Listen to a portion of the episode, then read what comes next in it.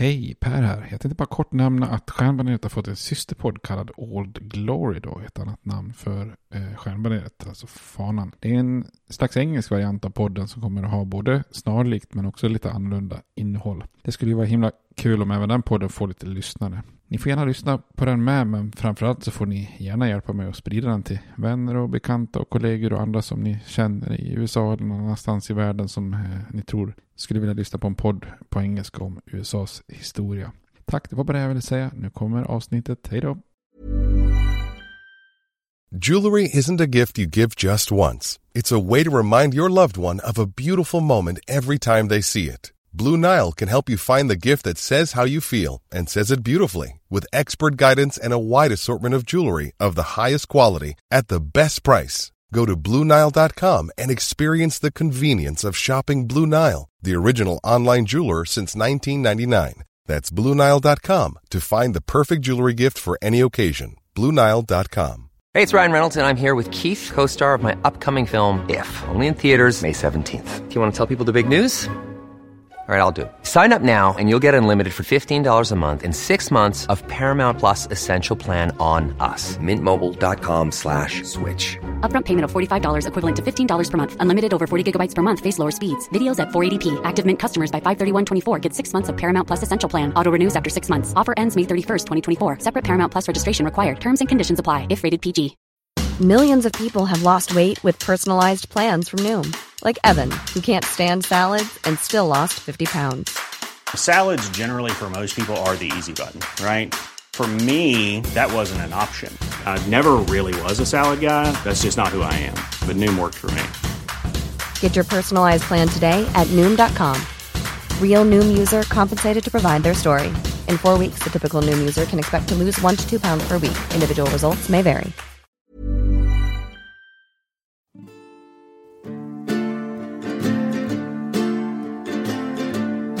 We hold these truths to be self-evident, that all men are created equal, that they are endowed by their Creator with certain unalienable rights, that among these are life, liberty, and the pursuit of happiness. Now we are engaged in a great civil war, testing that government of the people, by the people, for the people, shall not perish from the earth.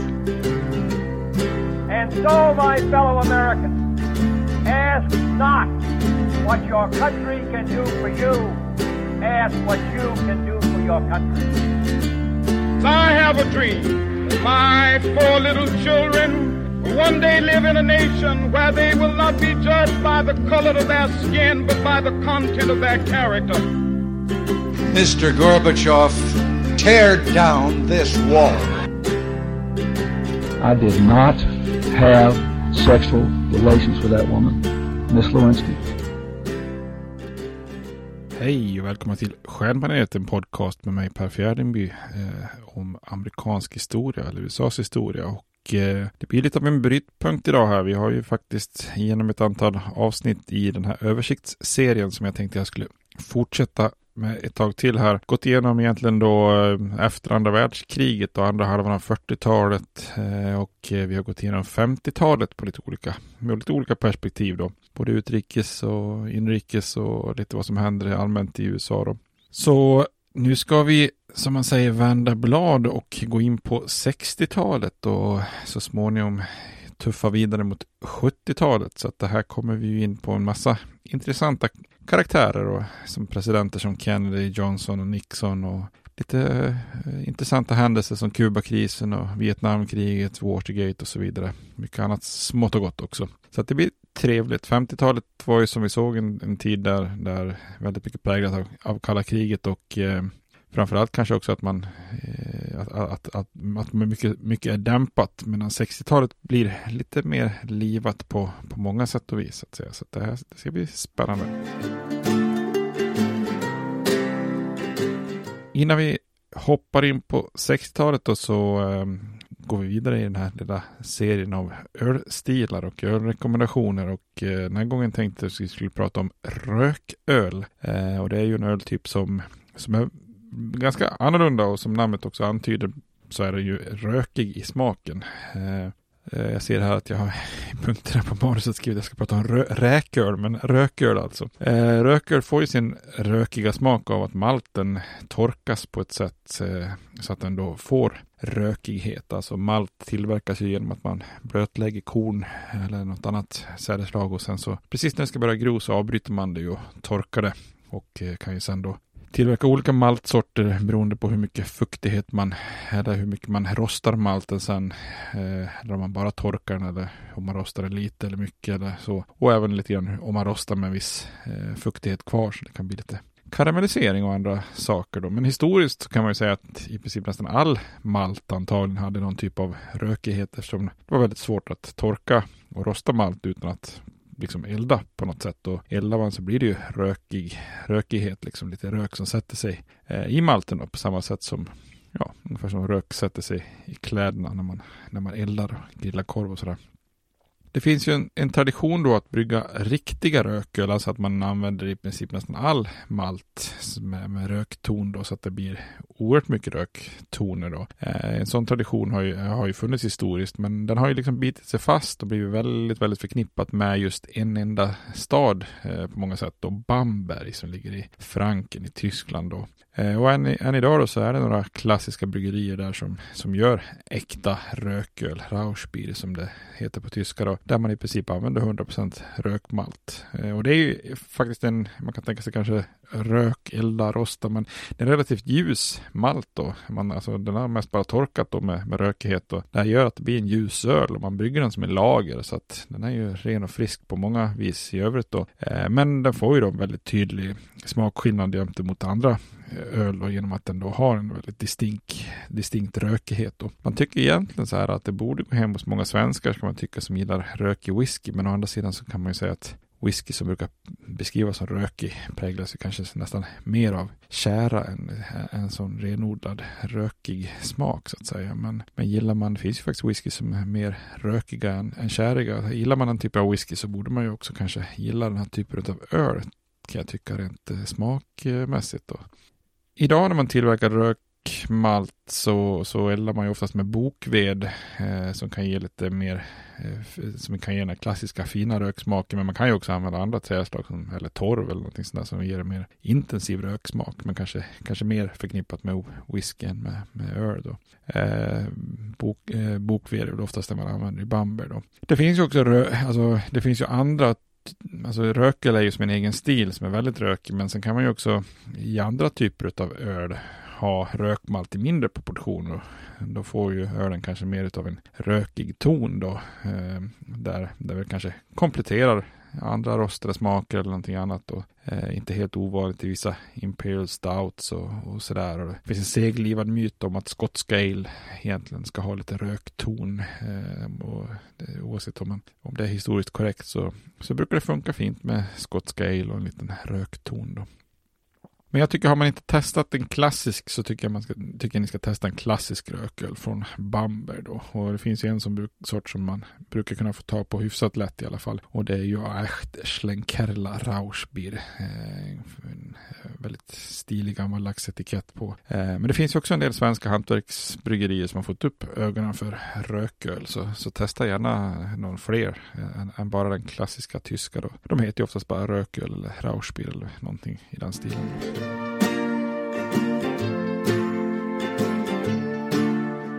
Går vi tillbaka till historien här så när klockan har slagit över till 1960-talet så, så inleds ju det nya decenniet med ytterligare ett eh, presidentval. Eh, och det är många amerikaner som såg fram emot valet 1960. Eh, det fanns en tro om att nästa president skulle leda landet in i en ny era. När det gäller Republikanerna så hade, kände de kanske medvind och hade höga förhoppningar om att eh, det inte skulle bli en, egentligen en ny president från första början. Då. Dwight Eisenhower hade ju styrt landet från Vita huset i åtta år då.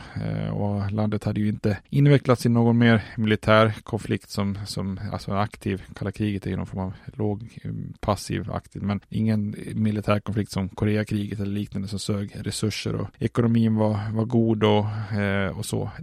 Problemet blir ju att Eisenhower kunde ju inte ställa upp på nytt. Det hade han kanske gärna velat då i, i, i den traditionen som eh, Franklin D. Roosevelt etablerade då, men tack var det eh, Roosevelts alla mandatperioder så eh, är det ju vissa som har tyckt att det, så kan vi inte ha det. Utan då kommer ju det här 22 tillägget till konstitutionen som ju också då ratificeras 1951 eh, och som då begränsar antalet mandatperioder till två då. Eh, så att eh, Eisenhower som då har suttit två fulla perioder kan ju inte ställa upp. Och, och ställa upp då. Så att Republikanerna behövde ju en ny ledare och eh, som, som på något vis kunde spinna vidare på, på Eisenhowers arv då. Eh, de flesta räknade ju med att manteln skulle tas över av, av eh, Eisenhowers vicepresident Richard Nixon eh, och att han då skulle ha en eh, god chans då den enda som egentligen övervägde att eventuellt utmana eh, Nixon var ju Nelson Rockefeller från New York då. Eh, men när opinionsmätningarna visade att Nixon eh, var en stark kandidat så valde Rockefeller att inte utmana på allvar då. Eh, Nixons negativa sida det var ju att han fortfarande var lite befläckad av sin koppling till McCarthyismen och den, och den republikanska högern. Eh, Eisenhower eh, gillar ju inte heller sin vicepresidentkandidat och, eller sin vicepresident och hade ju också försökt lite grann att se om han kunde dumpa honom i, i, i sitt andra val då, eh, 1956. Eh, så att han helt enkelt bytte vicepresident där. Men när Nixon visade att han inte tänkte lämna vare sig frivilligt eller lågmält så, så valde Ike Eisenhower ändå behålla Nixon. Då. eh, och det här gjorde ju då att Nixon eh, på något vis var lite ohotad för att bli nominerad hos Republikanerna. Då. Eh, Nixon ser också till att byta lite politiskt spår då och närma sig partiets mer moderata mitten då, speciellt när det gäller inrikespolitiken. Så han distanserar sig lite från den konservativa högern och proklamerar att han är lojal med Eisenhowers politik då och vill ju också eh, framstå som Eisenhowers högra arm och eh, dra fördel av hans popularitet och så vidare. Eh, det lyckas ju delvis kan man säga, men ett problem är ju att han verkligen inte var Eisenhowers högra arm och presidenten hade ju inte alls inkluderat honom i besluten eller frågat efter Nixons synpunkter och hjälp i viktiga frågor och så vidare. Och Ike gillade ju som sagt inte Nixon, även om han till slut ställde sig bakom honom som republikan i valet så sitter det lite långt inne och, och, eh, och så vidare. Så att det, det kan väl, för de som ser igenom det, inser man att han är ju inte direkt Eisenhowers högra arm då. Nixons genombrott inför valet 1960 kommer ju i mångt och mycket när han besöker Sovjetunionen 1959 och vid ett tillfälle under en utställning faktiskt så hamnar han i, i en slags eh, hård debatt med Nikita Khrushchev, eh, alltså Sovjetunionens ledare och det här var ju liksom, det kom lite mer spontant sådär, men det här blev ju liksom ett av de hetaste personliga mötena mellan amerikanska och sovjetiska ledare under kalla kriget och även om det inte var liksom något planerat toppmöte i sig då. Eh, och, och, det här var ju, eh, finns det ju bilder då på hur Nixon som vice, amerikanska vicepresidenten står och liksom står upp mot Khrushchev och pekar med ett finger rätt i ansiktet på den här kommunistiska ledaren och, och ser verkligen ut som att han läxar upp eh, Nikita här. Så att det här är ju en bild som slår igenom väldigt starkt och går ju hem hos det amerikanska folket. Alltså man har, man har en eh, vicepresident som minsann kan stå upp för USAs värderingar. Tittar man då på Demokraterna så även, även Demokraterna känner ju medvind inför valet 1960. De förstod ju att det amerikanska folket hade, hade gillat Eisenhower som person men att det nödvändigtvis inte betydde att man absolut gillade det republikanska partiet på samma, på samma nivå då som, som personen Eisenhower. Eh, Demokraterna hade ju också under de här åren dominerat kongressen sedan 1954 så att eh, Demokraterna är ju ändå inne i en period när man är ett väldigt starkt parti då eh, och man tycker liksom att nu, eller man tror att det dags att ta tillbaks även Vita huset då. Och det fanns ju en rad eh, demokrater som, som suktade efter att bli eh, partiets kandidat inför 1960 då. Eh, senatorn Hubert Humphreys från Minnesota gav sig in i racet tidigt som en liberal kandidat då med tradition från nya given då, New Deal och med stöd för medborgerliga rättigheter. Senatens majoritetsledare då, Lyndon B Johnson annonserar inte sin kandidatur men drog heller, drog också liksom väl lite grann i politiska trådar, trådar bakom scenen för att ändå bli nominerad. Det här är ju liksom egentligen en väldigt gammal amerikansk tradition att man liksom eh, rent historiskt har många kandidater inte velat framhäva sig själv utan man vill se till att andra eh, se till att man blir nominerad och att man lite motvilligt säger ja men jag är okej då, jag ställer upp.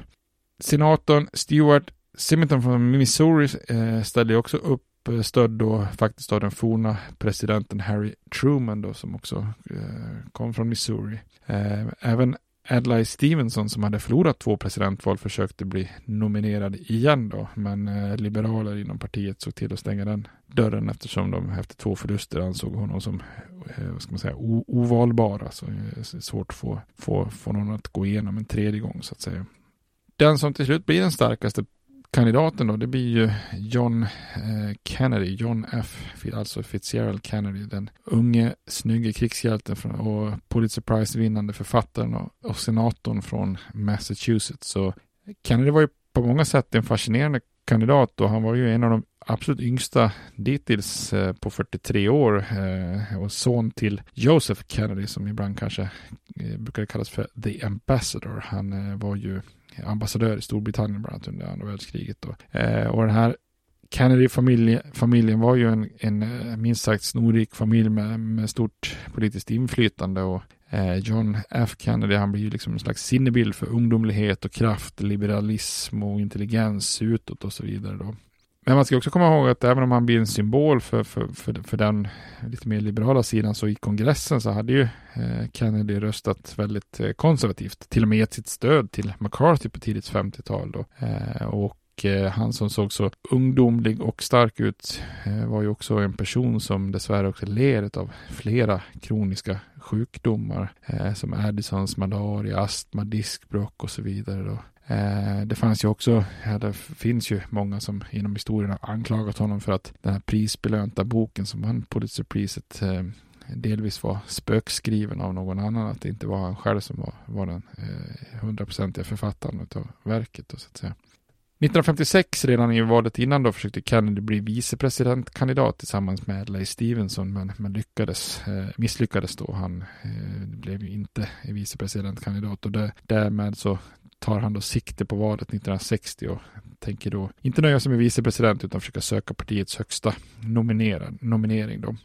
Kennedy var ju inte gillad av alla inom partiet här så att han var ju inte egentligen en självklar kandidat på det viset. Många var ju skeptiska eftersom Kennedy var eh, katolik. Och det här kan ju vara väldigt svårt att förstå det här skepsisen till, till katolska personer men ända sedan egentligen koloniala tider så såg ju många amerikanska protestanter då med, med fasa på katolskt inflytande. Alltså USA är ju ett väldigt protestantiskt präglat land då med det puritanska arvet bland annat och, och eh, Eh, där, där liksom har genom historien alltid liksom katolska ledare eh, har man sett på med skepsis och eh, hela, hela konflikten med, med Frankrike under koloniala tiden var ju liksom en slags eh, uppgörelse också mellan protestanter och katoliker. Det fanns, finns liksom en skräckbild eh, för många då eh, om att eh, så fort någon med en hög position är katolik så då skulle helt plötsligt påven i Rom helt plötsligt få inflytande över viktiga, viktiga beslut i Washington då. Så att, att ha en katolsk president eh, är ju verkligen då något som många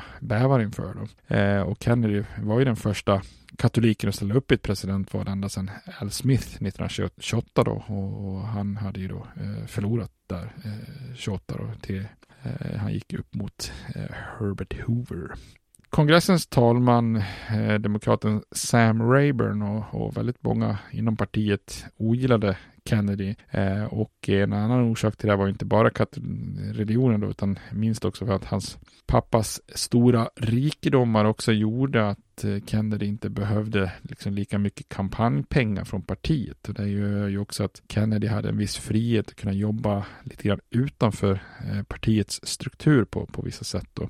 Eh, och enligt många då, exempelvis Lyndon B Johnson så var ju Kennedy liksom inget annat än en slags rik playboy som ville bli president utan att vara särskilt intresserad eller insatt i politiken utan bara eh, red på pappas inflytande och pengar då så att säga.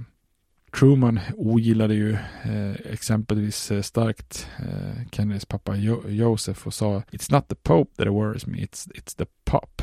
Eh, lite fyndigt men. Så att eh, många av de eh, tongivande ledarna inom Demokraterna är inte alls förtjusta i Kennedys kandidatur. Men Kennedy, han lyckas liksom eh, laga relationer och börja bygga upp stöd med tillräckligt många nyckelpersoner för att kunna utnyttja sin, sin image och, och gå bra i primärval, primärvalen. Då. Den enda som till slut kan utmana honom är ju Humphreys då. Men när Kennedy ganska skickligt avväpnar just den här frågan om sin katolska lära i ett tal i West Virginia där han bedyrar att han inte tar någon som helst order från påven eller kardinaler eller biskopar så, så, så, så är det många som, som, som tror, tror på honom så att säga. Hans stiliga leende och gick i, verkligen hem på tv och, och eh, folk kände tillit till att det var nog sant det han sa då. Och därmed eh, så är de sista tvivlen borta och Kennedy kan ta hem primärvalet. Nu. Och när Kennedy nominerades så, så valde han ju sen också då Lyndon B Johnson som vice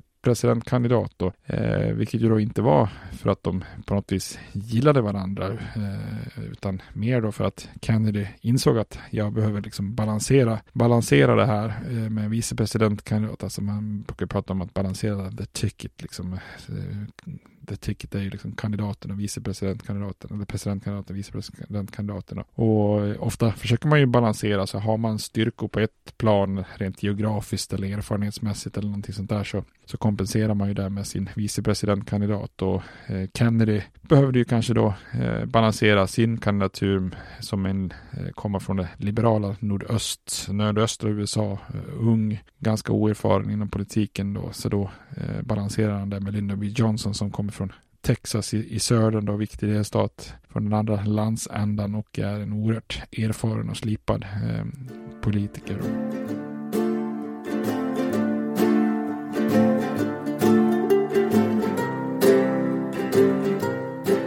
Presidentvalet 1960 är ju det första när man brukar säga att tv slog igenom och med det menar man ju liksom att det eh, för första gången är tv-debatten mellan de båda kandidaterna. Så här kan man väl säga lite grann eh, summariskt att den moderna formen av presidentkandidatkampanj föds då så att säga. Att det blir en brytpunkt här 1960 då med, med tv då. Eh, och därmed så sker ju också en lite grann en förskjutning såklart då mellan liksom politiskt innehåll till personligt intryck. Eh, att helt plötsligt så är det ju absolut inte oviktigt hur man ser ut, hur man pratar och så vidare. Eh, Medan det tidigare kanske mer var just fokus på på, på liksom politiskt innehåll och så vidare. Den här förändringen gynnade ju Kennedy väldigt mycket då. Man kan enkelt säga att Nixon saknar stil medan Kennedy snarare personifierar ju stil. Eh, och Kennedys stiliga yttre då, han tog också tog hjälp av smink, gick ju verkligen hem hos, hos tv-tittarna då, medan en, en eh, osminkad,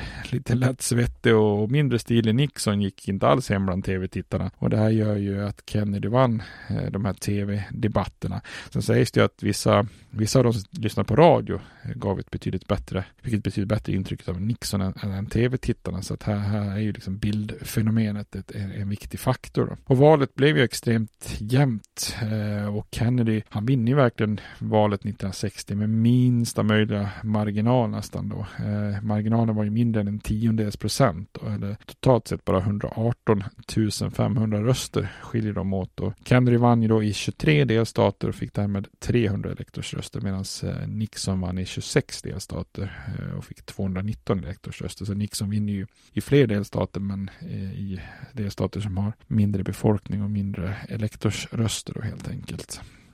Kennedy var ju också stark i valet bland afroamerikanska väljare och, och, en händelse som, som kan ha varit avgörande som jag nämnde i den här serien om afroamerikansk medborgarrättsrörelse är ju att eh, just vid den tidpunkten under presidentvalet eh, så har ju eh, Martin Luther King arresterats och satts i ett fängelse i Georgia under en protest. Och eh, i det här läget så ringer eh, John F Kennedy till eh, Martin Luther Kings fru då, eh, Coretta King och, och, och liksom eh, säger att beklagar sig och, och, säger att man ska försöka jobba för att han ska frias att, eh, eller komma ur fängelset och komma hem då. Eh, och det här är ju liksom eh, en, en, en händelse där afroamerikanerna noterar att eh, Kennedy verkar bry sig medan Nixon håller ju väldigt låg profil då. Eh, han satsade ju på ett starkt stöd i eh, södern och då kan man ju liksom inte eh, ringa eh, Martin Luther Kings fru för då har man ju rökt direkt i stora delar av södern. Då. Så, och det är också så att antalet afroamerikanska röster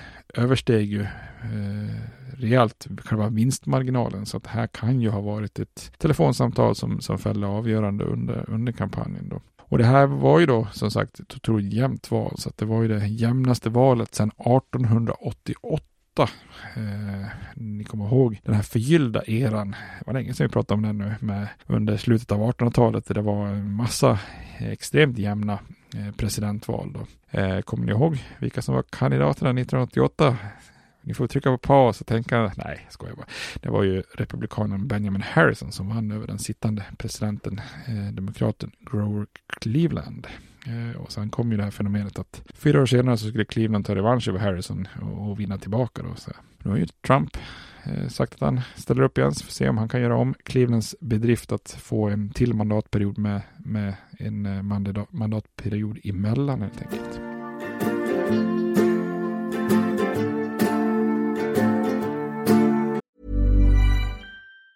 Hey, it's Ryan Reynolds and I'm here with Keith, co-star of my upcoming film If, only in theaters May 17th. Do you want to tell people the big news? All right, I'll do it. Sign up now and you'll get unlimited for $15 a month in six months of Paramount Plus Essential Plan on us. Mintmobile.com slash switch. Upfront payment of $45 equivalent to $15 per month. Unlimited over 40 gigabytes per month. Face lower speeds. Videos at 480p. Active Mint customers by 531.24 get six months of Paramount Plus Essential Plan. Auto renews after six months. Offer ends May 31st, 2024. Separate Paramount Plus registration required. Terms and conditions apply if rated PG. I'm Sandra, and I'm just the professional your small business was looking for. But you didn't hire me because you didn't use LinkedIn jobs. LinkedIn has professionals you can't find anywhere else, including those who aren't actively looking for a new job, but might be open to the perfect role, like me. In a given month, over 70% of LinkedIn users don't visit other leading job sites. So if you're not looking on LinkedIn, you'll miss out on great candidates like Sandra. Start hiring professionals like a professional. Post your free job on linkedin.com slash people today.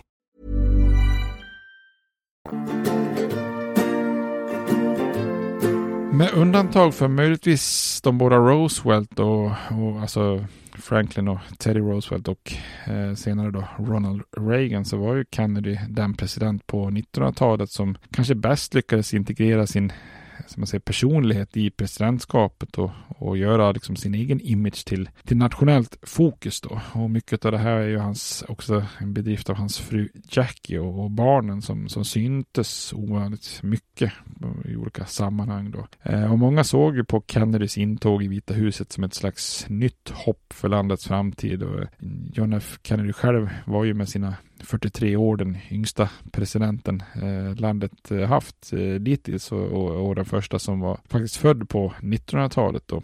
Eh, Kennedy vann ju valet 1960 genom att lova att, som han sa, get the nation moving again. Eh, och hans ungdomliga stil och fina retorik inspirerade ju många och fick ju landet att tro på sig själv igen. Eh, men Kennedys politik, säkert inrikespolitiken, var ju ändå relativt blek i förhållande till just det här hopp och framtidsbilden han pratar om. Då. Så att här kan finnas en viss, tycker jag, parallell mot Obama, så där, där liksom retoriken och hoppet kändes enormt och där, där politiken kanske levererade lite mindre. Och, och båda två kom ju lite grann från, alltså var inte de mest erfarna politikerna som, som var vana med, med, med liksom effektivt kongressarbete och sådär. Så att det finns ju en del likheter mellan Kennedy och, och Obama tycker jag. Kennedys installationstal då som sker då en fin januaridag 1961 fångade ju verkligen åhörarna och gav hopp om, om en bättre, bättre framtid. Och det är ju mycket, många, många passager i den som, som man har sett och hört genom åren. Eh, så jag har ju faktiskt med ett i, i eh, introt till, till podden här. Eh, och så jag ska se om jag kan, kanske kan koppla in lite eller klippa in lite av, av talet också då. Let the word go forth from this time and place to friend and foe alike that the torch has been passed to a new generation of Americans born in this century, tempered by war, disciplined by a hard and bitter peace, proud of our ancient heritage, and unwilling to witness or permit the slow undoing of those human rights to which this nation has always been committed and to which we are committed today at home and around the world.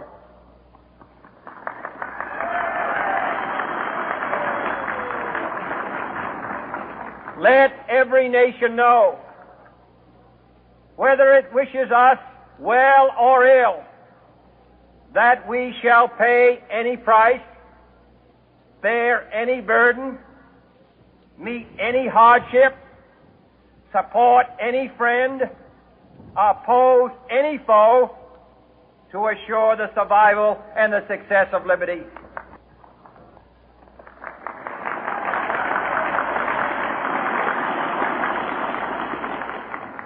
In your hands, my fellow citizens, more than mine, will rest the final success or failure of our course.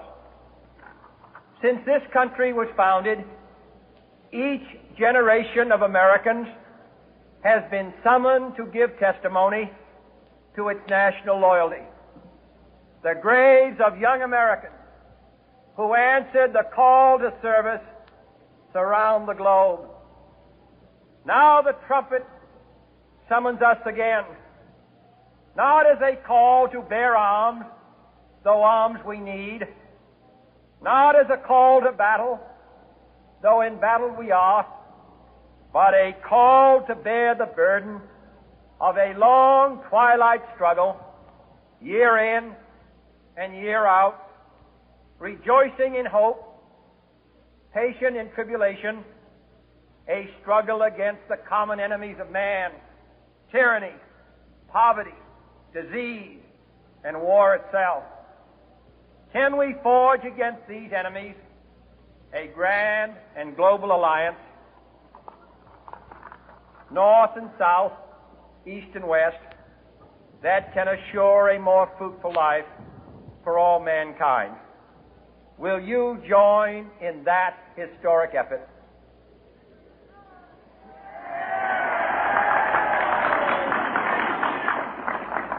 In the long history of the world, only a few generations have been granted the role of defending freedom in its hour of maximum danger.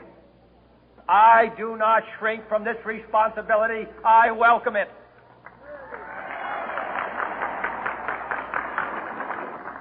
I do not believe that any of us would exchange places with any other people or any other generation. The energy, the faith, the devotion which we bring to this endeavor will light our country and all who serve it. And the glow from that fire can truly light the world. And so, my fellow Americans, ask not what your country can do for you, ask what you can do for your country.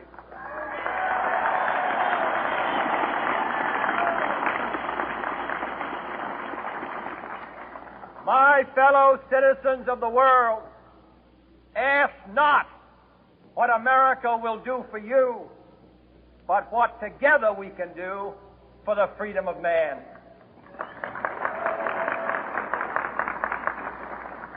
Finally, whether you are citizens of America or citizens of the world, ask of us here the same high standards of strength and sacrifice which we ask of you. With a good conscience, our only sure reward, with history the final judge of our deeds, let us go forth to lead the land we love, asking His blessing and His help, but knowing that here on earth, God's work must truly be our own.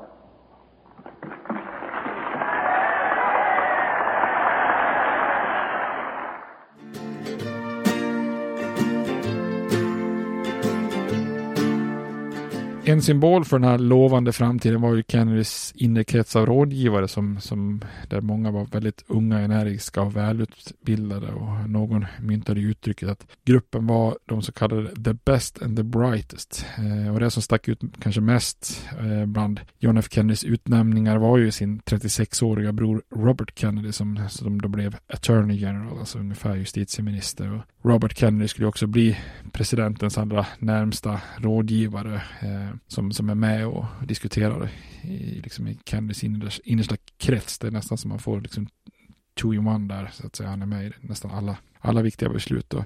Många av de övriga rådgivarna var ju också eh, väldigt unga då, alltså i spannet 35 till 45 år. Eh, och utnämningen av just Robert som justitieminister, det, det är klart det mötte ju en hel del kritik också om svågerpolitik då. Kritikerna var ju inte sena att notera att Robert saknade ju erfarenhet från det legala området då. Kennedy brukar ju faktiskt ibland skämta tillbaka själv och sa att han ville ge sin brorsa lite praktik innan han studerade juridik. Eh, så att det här var ju liksom, eh, det var en bra praktikplats att vara justitieminister då. Men den kritiken bet jag inte på storebror här för att han, han ville ju ha sin lillebror som viktig rådgivare och, och litade ju som sagt ofta på hans råd så att det var inget, det var inte så att kritiken gjorde att han funderade på att dumpa bort lillebrorsan direkt. Bland Kennedys, Kennedy och hans rådgivare och administration så fanns också en syn om konsensus som liksom byggde tillbaka på liberala idéer från 50-talet och eh, samtliga hade liksom på något vis vuxit upp lite grann med nya given och, och det. Ekonomisk tillväxt så skulle liksom i kombination med kloka statliga ingripanden och sociala program skapa någon form av minimistandard för alla amerikaner med möjlighet till, till liksom framgång och framsteg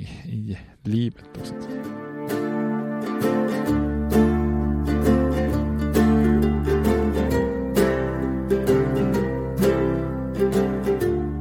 Kennedy och hans eh, rådgivare och ministrar och eh, unga män och fulla av förhoppning att leda nationen in i en era eh, sätter igång då. Men att styra USA under de här åren skulle ju också visa sig vara lite av en utmaning då. Eh, Kennedy var ju för det första då inte en direkt erfaren ledare och politiskt så var han ju i, i det närmaste liksom då ineffektiv jämfört med om man jämfört med till exempel med den slipade Lyndon B. Johnson till exempel. Han hade ju som senator varit relativt konservativ men som president ärvde han då på något vis Demokraternas liberala agendaprogram då. Och under sina tre år som president så försökte han ju förverkliga den här liberala agendan med ja, ett antal reformer som Eisenhower hade ignorerat då. Eh, Kennedy kallade ju sitt inrikespolitiska program då för New Frontier, eh, ett namn, namn som så att säga gav hopp inom Demokraterna om att eh, John F Kennedy skulle vara en ny Franklin Delano Roosevelt. Då. Det är ju förresten lite roligt hur man leker med sådana här ord då. Om man tittar. Roosevelt hade ju sin New Deal då, nya given. Truman han skippade ordet New men behöll ordet Deal. Han hade ju sitt program då som kallades för Fair Deal. Eh, Medan Kennedy han tar tillbaks ordet New men han skippar ju Deal eh, och då blir det New Frontier. Eh, så man får ändå ge lite, nu föregår vi händelserna, man får ändå ge lite cred till Lyndon B. Johnson sen som lanserar The Great Society som ju faktiskt är två nya ord för ett reformprogram. Ja, förlåt, nu spårar jag ur lite grann så att ja, ni får, ni får överseende med det. Det, det. det händer alltid något, något varje avsnitt, även om jag har punktat upp vad jag ska säga så, så, så blir det så. Kennedy, eller Kennedys som man kan kalla dem för om man slår ihop honom med brorsan. Eh, deras New Frontier handlade ju om att eh, öka minimilöner, eh, införa en sjukförsäkring för äldre, eh, federal hjälp till utbildning och, och, även ett utvecklingsprogram för fattiga områden. Och Kennedy hade ju Eh, lite svårt eh, att få nationen moving again som han hade lovat då. På, på pappret såg det bra ut eftersom Demokraterna hade en majoritet i kongressen. Men man kan säga att Kennedy han möter ju samma problem som hans eh, demokratiska föregångare Roosevelt och Truman hade gjort då så att säga att det finns en konservativ koalition i kongressen av, av då dels republikaner men också de här konservativa demokraterna från det segregerade södern som, som eh, och den här konservativa koalitionen är några, en grupp som kan sätta bromskloss på de flesta förslag ifall man inte gillar dem då. Det är ju en koalition som var Eh, särskilt mäktig då eftersom just Demokraterna från södern oftast eh, hade suttit länge i kongressen. Det är ju inte direkt någon politisk konkurrens i stora delar av södern och många av de här kongressledamöterna hade ju suttit oerhört länge då och då hade man ju det här systemet i kongressen att alla viktiga ordförandeposter i utskott och andra avgörande roller gick till de som var seniora så att säga och det innebär ju då att man har väldigt stor makt kring vilka lagförslag som ska gå upp till kongressen för omröstning och så vidare då. Eh, så att södern är ju länge liksom någon slags enpartistat, alltså eh, republikaner och progressiva partier hade ju aldrig liksom fått, fått fäste där så att säga. Eh, och efter den här kompromissen 1877 när militären drog sig tillbaka så hade ju Demokraterna dominerat totalt då. Så politiska val i södern avgjordes ju primärvalen och liksom inte i de officiella valen då. Och med undantag för Roosevelts första år vid makten när, när New Deal-programmet drevs igenom så, så hade den här konservativa koalitionen stoppat mängder av liberala reformer från slutet av 30-talet och, och framåt egentligen då. Och av Kennedys 23 initierade lagförslag så, så röstar kongressen eh, bara igenom eh, sju av dem. Då. Kennedys kanske, kan, kanske var mest frustrerad över eh, försöket att driva igenom federal hjälp för utbildningsväsendet. Då. Eh, för det är klart att här, man har man en administration som, som upplever sig som ung och välutbildad eh, så, så hade det ju varit liksom lite grann av en stjärna i kanten att, att driva igenom då ett eh, federal hjälp för utbildning, utbildningsväsendet. Men i kongressen så kunde ju inte olika falanger resa sig över olika, till exempel religiösa frågor då, som mer sekulariserade ledamöter vägrar stödja ett lagförslag som gav finansiering till katolska skolor medan katolska och andra religiöst lutade ledamöter vägrar acceptera lagförslag som inte finansierade privata och kyrkliga skolor. Och, eh, och just den här frågan blev ju liksom hans egna religion, katolicism, en liten frustration eftersom han själv inte riktigt kunde komma ut som varken för eller emot de olika förslagen. Eh, så så det, det som eh, lades fram som The National Education Improvement Bill fastnar ju redan på kommittéstadiet och kommer liksom aldrig ens upp i kongressen för, för omröstning. Då. Så om vissa liberala reformer var lite av ett misslyckande för Kennedy så var ju hans eh, ekonomiska politik lite mer i alla fall av en framgång. Eh, och även inom det här området så gjorde ju presidenten en ganska stor svängning ideologiskt. Och som, som senator hade ju Kennedy varit väldigt så, som man brukar säga, fiskalt konservativ då, har varit emot de allra flesta statliga ingreppen i, i ekonomin. Då. Eh, hans ekonomiska rådgivare lyckas ju emellertid omvandla presidenten till en förespråkare av en aningens mer då, så att säga keynesianskt tänkande. Jag kanske är dålig ibland att förklara vissa begrepp. Jag vet att min, min fru brukar anmärka på att jag tar vissa saker som, som givna och, och, och självklara. Men keynesianskt ekonomiskt tänkande, alltså det bygger ju på en brittisk ekonom, John Maynard Keynes, som, som väldigt, väldigt förenklat menar menar att staten ska så att säga, använda skattemedel för att spendera eh, för att minska nedgången i lågkonjunktur. Alltså att man finansierar statliga saker för att, för att liksom få fart på ekonomin. Och sen när konjunkturen vänder och blir högkonjunktur så kan staten istället spara skattemedel när man får in mycket skattemedel. Då. Alltså att staten ska vara aktiv för att påverka ekonomin eh, så att man, man, man, man, man gasar när det är ekonomiskt dåliga tider och bromsar när det, eller liksom sparar när det är ekonomiska bra tider och att man då kan jobba med både budgetunderskott och budgetöverskott för att parera det här då så att säga så, så svängningarna i, i konjunktur blir ebbas ut liksom så här, oavsett om de egentligen är höga eller låga då. Alltså egentligen om nationalekonomiskt språk så på, på, påverkar man efterfrågesidan i, i, ekonomin då så att säga. Ja, jag vet inte om det har varit så mycket mer tydligt, men jag hoppas det i alla fall. Eh, eftersom landet eh, gick in i, i liksom då någon, en form av lågkonjunktur 1861 så var, var Kennedy efter att han blivit övertalad av sin rådgivare villig att testa vissa sådana keynesianska åtgärder och, och öka då den federala statens spenderande. Eh, och han lyckas få kongressen att eh, höja minimilöner, bredda sociala försäkringar och drastiskt öka försvarsbudgeten. Eh, dessutom att man då satsar 4 miljarder på federala boendeprogram då. Eh, och de här federala satsningarna fick ju igång ekonomin redan i slutet av Kennedys första år i Vita huset. Då. Eh, Kennedy ville gärna dock inte stanna där utan återhämtning var ju en sak. Då. Han ville ju se en ekonomisk utveckling och 1962 drev han igenom ytterligare ekonomiska satsningar i form av bidrag till, till företag för att kunna behålla arbetskraft, att eh, företa skattelättnader. Eh, först skattelättnader för företag för att då stimulera investeringar i nya maskiner och utrustning och sånt där. Följt av då skattelättnader för inkomster. Och de här skattelättnaderna gjorde, gjorde ju att Kennedy fick, eh, han utsatte sig lite för en kritik från två håll. Alltså många liberala demokrater ville ju ha mer statliga satsningar snarare än sänkta skatter medan konservativa de, de gillar ju skattesänkningarna men inte om de skapar tillfälliga budgetunderskott utan fiskalt konservativa vill ju ha en balanserad budget då, så att säga. Och de här satsningarna tillsammans med då ökat militärt spenderande stimulerar ju väldigt mycket, väldigt mycket av den amerikanska ekonomin då. Och USA går ju från Kennedy här in i några år både före och efter eh, eller, eller både efter, eller även efter Kennedys död, eh, går man ju in i en tid när ekonomin går på högvarv och, och hade väldigt god tillväxt. Då. Baksidan med tillväxten och skattesänkningar och låg, låg arbetslöshet, det är ju också en ökad inflation. Det är ju någonting som vi, vi liksom brottas med i dagligdags idag också så att säga. Kennedys rådgivare menar ju att Nyckeln till att hålla inflationen nere var att hålla löneökningar nere, då, speciellt inom de stora industrierna. Eh, och tidigt 1962 så var ju amerikanska stålarbetare på väg ut i strejk, men Kennedy lyckades avvärja det här genom att övertala fackförbunden och stålarbetarna att acceptera en lite mer modest höjning av lönerna för att just hålla nere inflationen. Eh, bara två veckor efter att den här strejken är avvärjd så valde US Steel, då, ett av de största aktörerna, att öka priset på stål med 6 dollar per ton för att öka intäkterna och, och andra stålföretag hängde på det här. Eh, ledningen för US Steel menar att man var tvungen att i aktieägarnas intressen eh, göra detta och menar att eh, Kennedy hade motsatt sig företagande och företagens tillväxt.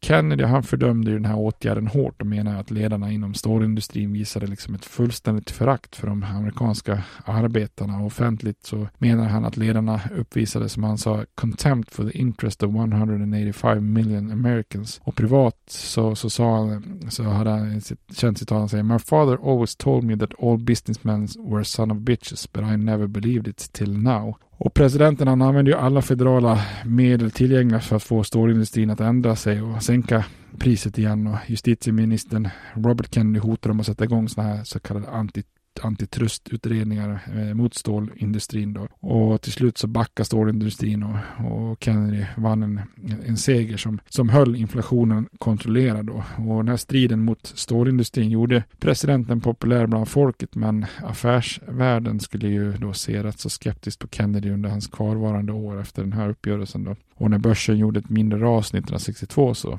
anklagar ju affärsmän Kennedy och hans politik som, som orsaken bakom, bakom fallet helt enkelt.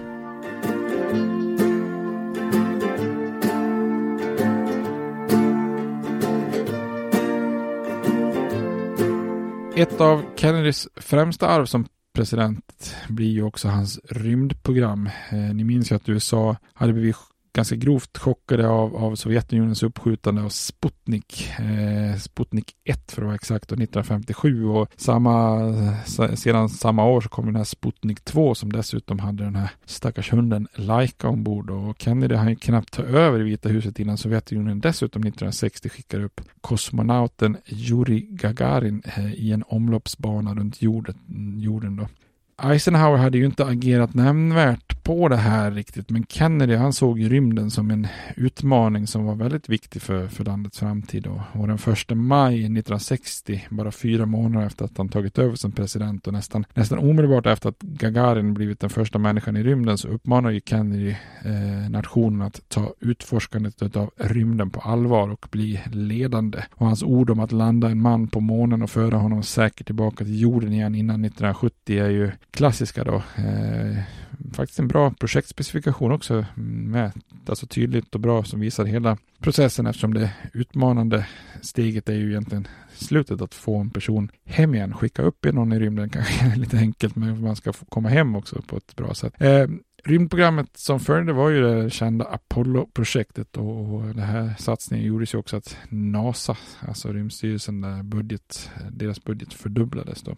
Kennedy, han förstår ju också att det är ett eh, ganska aggressivt, omfattande liksom, och federalt finansierat rymdprogram det kommer ju att ha andra fördelar också, leda med sig då eh, till teknologiska framsteg och så vidare och i det långa loppet, eh, även om eh, även liksom med vapenutveckling och när det gäller långdistansmissiler och liknande och han insåg ju också att det landet som kunde vara ledande inom rymdutforskning skulle kunna dominera världen och, och kunna eh, och också kunna rivalisera då, eller stå upp mot ärkefienden Sovjetunionen då.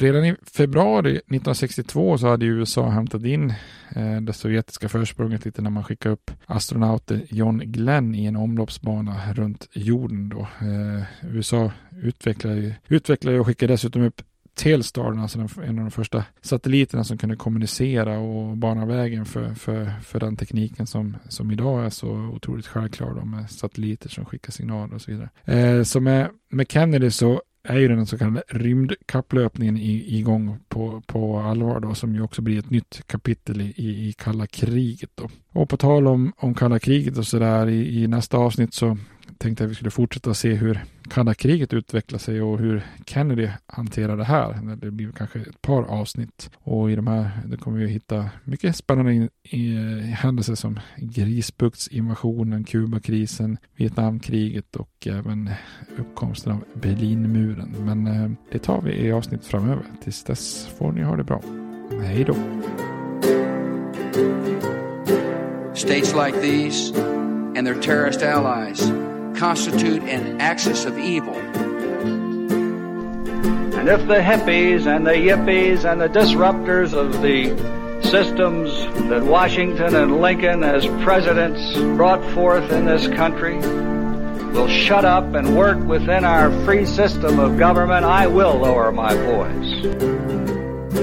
If the impeachment provision in the Constitution of the United States will not reach the offenses charged here, then perhaps that 18th century Constitution should be abandoned to a 20th century paper shredder. Therefore, I shall resign the presidency effective at noon tomorrow.